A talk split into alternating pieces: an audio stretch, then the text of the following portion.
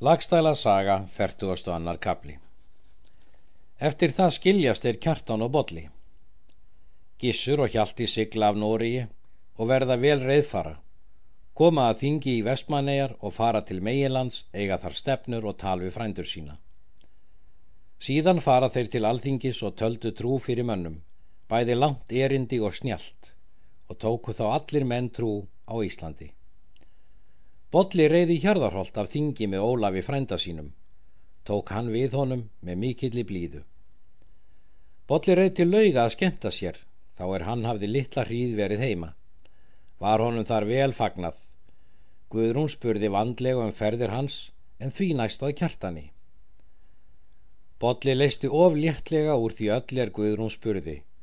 Hvað allt tíðinda laust um ferðir sínar, en það er kemur til kjartans, þá er það með miklum ágætum að segja satt frá hans kosti, því að hann er í hyrð Ólafs konungs og metinn þar umfram hvert mann. En ekki kemur mér að óverum þó að hans hafi hér í landi litla nýtjar hinn að næstu vetur. Guðrún spyr þá hvort nokkuð heldi til þess annað en vinátt að þeirra konungs. Bolli segir hvert orðtak manna var á um vináttu þeirra kjartans og yngibjargar konungssistur og hvað það nær sinni ætlan að konungur myndi heldur vilja gifta honum yngibjörgu en láta hann lausan ef því var að skipta. Guðrum hvað það góð tíðindi, en því aðeins er kjartani full bóðið ef hann fær góða konu og let þá þegar falla niður talið, gekk á brott og var all rauð. En aðri grunuðu hvort henni þætti þessi tíðindi svo góð sem hún let vel yfir. Boll er heim í hjarðarholt um sumarið og hafði mikinn sóma fengið í ferð þessi. Þótti öllum frændum hans og kunningjum mikilsum verðt hans vaskleik.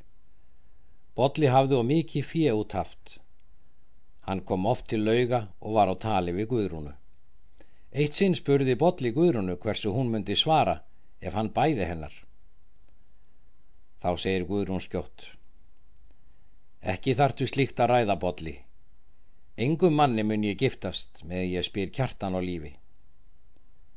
Bodli svarar. Það hyggjum við að þú verður að sitja nokkur að vetur mannlaus ef þú skall býða kjartans. Undi hann og kost hafa átt að bjóða mér þar um nokkuð erindi ef honum þætti það allmiklu máli skipta. Skiptust þau nokkur um orðum við og þótti sinn veg kvoru. Síðan rýður Bodli heim.